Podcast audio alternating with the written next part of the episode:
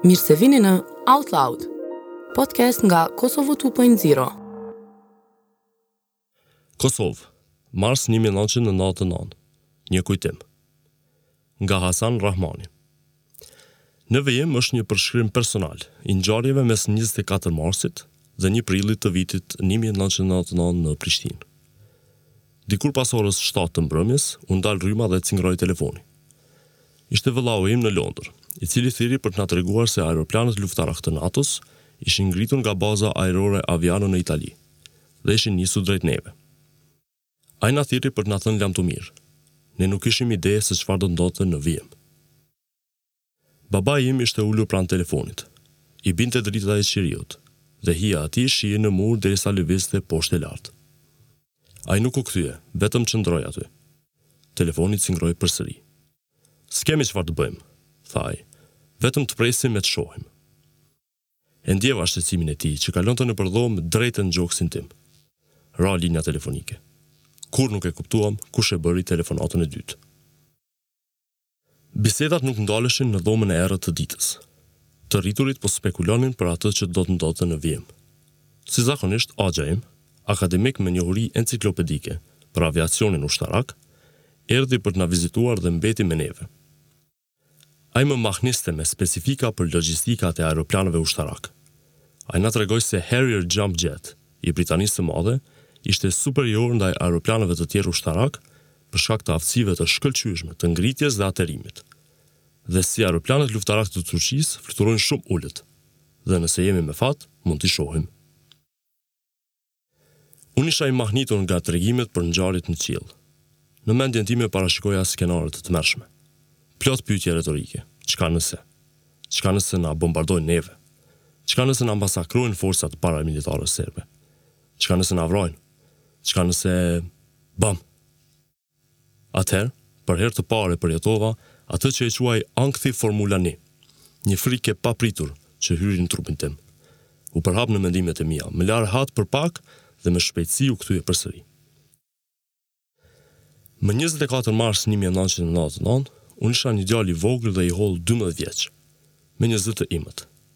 Isha i shqetësuar për detyrat e shtëpisë. Kisha frikë se do të përfundonim në male, si refugjatët e fshatrave përreth. Kështu që e bëra atë që mendova se ishte e duhur. I vesha tri palë pantullone, dhjetëra veshje të sipërme, tri palë çorape dhe qëndrova pranë shporetit. Së shpejti u nxeva.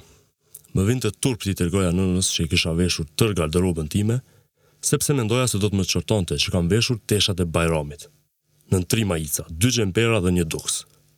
Më shumë rreth kësaj më vonë. Fëmijëria në Prishtinë ishte shumë e lumtur. Kujtimet më të mira i kam nga ditët e nxehta të verës, kur jeta lëvizte me ritëm të breshkës, dhe heshtja e mesit të verës që kaplonte lagjen tonë, vetëm për t'u ndërprerë nga fqinji im që godiste gozhda me çekiç, në muret e shtëpisë përherë të papërfunduar. Secila lagje e kishte një të tillë. Ne e kishim tipin me çekiç. Rruga e shokut tim e kishte tipin me sëpatë, që i godiste trunjtë e drunjve për t'i bërë gati për djegje. Ishte dhe ai tipi me bresalicë, jeta ishte e thjeshtë, unë isha i lumtur. Por e gjithë kjo ndryshoi kur vëllezërit e mi më treguan për Adem Jasharin. Në një mbrëmje dimri më një mijë e nëntëqind e nëntëdhjetë e tetë, para gjumit ishim duke ndërruar kanalet televizive gjermane në satelit. ProSieben, Vox, RTL, Deutsche Welle. Lajmet nga dhjetëra shtete të ndryshme. Dhe pastaj doli Kosova. Unë dhe vëllezërit e mi mbetëm të heshtur kur nisi rrëfenja, e cila thoshte diçka si Kosovo dhe pastaj Das ist Adem Jashari. dhe në ekran paraqitej një burrë me mjekër që mbante një kallashnikov dhe po hynte në një odë shqiptare. Vëllezërit e mi ishin të ngazëllyer. Kurrë nuk kisha parë ndonjë kosovar duke mbajtur një kallash. Nuk kisha ide kush ishte ky burrë, dukej i frikshëm. Kishte një shikim të thellë, një mjekër me ngjyrë të mbyllët dhe flokë të gjata që e bënin të dukej sikur të kishte jetuar një jetë të rëndë. Dukej pikërisht si babaroka, një përbindësh i shpikur që unë besoja se jetonte prapa shtëpisë sime. Kur përfundoi segmenti i lajmeve, i pyeta vëllezërit e mi se kush ishte ai. Ata më treguan se ai ishte nga Ushtëria Çlirimtare e Kosovës, UÇK, dhe se do të vinte bash sonte për të fjetur nën krevatin tim. Unë qesha me ta, që të mos e dinë që isha i frikësuar. Por brenda, mendimet e mia ishin diçka si, O Zot, o Zot, o Zot! Babaroka e din për mua. Kuku, kuku, kuku. Nata më kaploi pa gjumë. Ai nuk erdhi. Por erdhi lufta. Nuk erdhi në mënyrën që e prita. Paramendova helikopter, si në Apocalypse Now, me artileri të rënda duke shpërthyer në prapavijë. Ishte e kundërta e kësaj. Erdhi në pesë skena, siç thojmë ne pesë copa në kajmak. Skena e parë. Tridhjetë e një mars një mijë e nëntëqind e nëntëdhjetë e nëntë. Isha jashtë në oborr kur e pashë një burrë duke kapërcyer murin e kopshtit të axhës tim. Ai u kthye për të ndihmuar dy të tjerë për ta kaluar murin dhe për t'iu bashkuar atij. Ata kishin veshur maska dhe tesha të ushtrisë. Secili i kishte nga katër apo pesë raketa të vogla RPG në shpinë. Dhe në bel, thika të gjata zvicerane ushtarake. Dukeshin shumë si njësiti paramilitar serb që quheshin Çakejtë.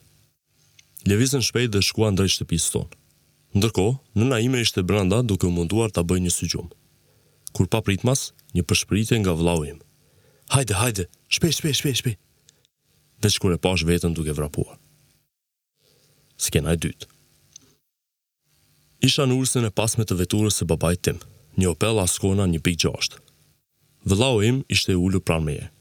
Babai im ishte duke vozitur jashtë rrugës sonë të ngushtë derisa po fliste me nënën time në ulësen e pasagjerit, duke i thënë diçka për të vozitur deri në kufi.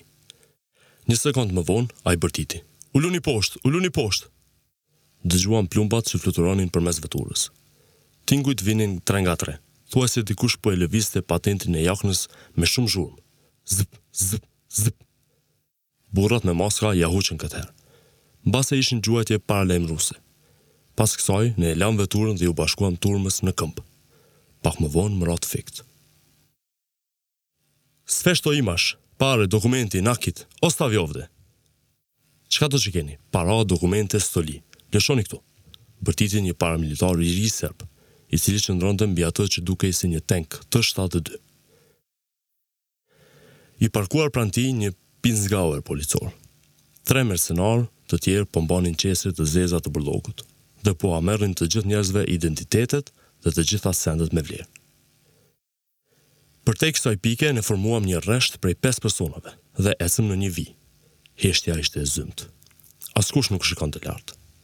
Kurrë nuk kisha parë në Ballkan një rresht më të qetë dhe më të rregullt se ai. Skena e tretë. Ecëm përtej përmendores për luftëtarët partizanë të Luftës së Dytë Botërore në Prishtinë, që në atë kohë quhej Spomenik. Një thashethem po përhapej në mesin e turmës. Me gjasë kishte nisur me një teshtim prej dikut nga lart dhe derisa kishte arritur te veshët e mi, ishte zhvilluar në një dezinformatë se tani ishin duke na çuar në stadionin kombëtar ku do të na masakronin, në stilin e Srebrenicës. M'u kthye ankthi Formula Një Monte Carlo. Muskujt filluan të më dridhen, në një mënyrë ku prej asaj dite më kurrë nuk e kam përjetuar. Thashethemi veçse ishte përhapur, kur derisa po marshonim pranë spomenikut, një derë e vogël e drurit u hap në një shtëpi në anën e majtë, dhe një dorë u zgjat për ta kapur dorën time. Ishte një grua e moshuar, me flokë si të babarokës. Ajo më ndali, dhe duke ma mbajtur dorën, nuk më shikonte në sy mua, por i bënte apel babait me një zë të dëshpëruar, si duke qajtur, gati të shpërthejë në lot. Leje të birin me mua, ai është tepër i vogël për t'u masakruar. Unë do të kujdesem për të, iu përgjërua ajo. Babai im më shtyu para me dorë në shpinë. Ne do të rrimë bashkë, pa marrë parasysh çfarë ndodh, i tha ai asaj. Vazhduam para, përtej kompleksit Dora, ku dëgjuam niko nikog ne voli, Askush nuk e pëlqen askënd. Me disa britma nga banesat mbi ne. Pastaj e dëgjuam një jehonë në gjuhën serbe. Unë nuk e kuptova, por e dija që nuk është miqësore. U përcjell me spërkatje të zbardhuesit apo acidit. Marshuam para, prapëseprapë me rend dhe kokulur. Hurraa! Frika e përbashkët në mesin e gjithë neve, ndjenja se po i bënim hapat e fundit para se të ballafaqoheshim me fatin tonë, nuk ndodhi. Po na çonin në stacionin e trenit, jo në stadion. Isha paksa i relaksuar. Në këtë moment m'u kujtua se isha i veshur me dy palë pantolla dhe dy tesha të sipërme, njërën prej të cilave ma kishte dërguar vëllai im në Suedi dhe nuk më kishte rënë kurrë taman. Ai më çonte tesha që ishin më të mëdhaja se unë. Por nëna ime ngulte këmbë që t'i veshja për të treguar respekt. Dy herë në vit gjatë Bajramit, shihej një djalë i vogël i hollë me tesha të stërmëdha perëndimore. Më pëlqente boll ai stil. Skena e katërt. Mbretërojnë ngazëllimi dhe pasiguria derisa rreshti i organizuar iu bashkua turmës së tërbuar para stacionit hekurudhor të Prishtinës. Njerëzit lëviznin duke u munduar ta kuptojnë çfarë po ndodhte. Autobusët arritën në parkingun e stacionit dhe nisën thashetheme të reja. Babai im vendosi që të prisnim e të mos nxitonim duke hypur në autobus apo tren. Kaluam te platforma ku priste treni i sponsoruar nga Jugoslovenske željenice. E masa lëvizte andej-këndej, duke bërë përpjekje të hypnin në tren. Turma u tmerrua kur një grua e re, e cila kishte arritur të hyjë në tren përmes një dritare, I zgjati duart e saj të gjata dhe të holla sa më shumë që mundej, duke u munduar të kapë diçka, dikë. Derisa treni filloi të lëvizte, ajo i ngrehte flokët dhe i lëvizte duart e papërmbajtura dhe duke bërtitur. Një foshnje e mbështjellur mirë u ngrit lart nga turma. Por treni shkoi dhe gruaja vazhdoi të bënte me duar. Por foshnja mbeti me neve në platformë. Ata që mbetën u përhapën në hekurudhë. Atëherë shihej se sa njerëz ishin aty.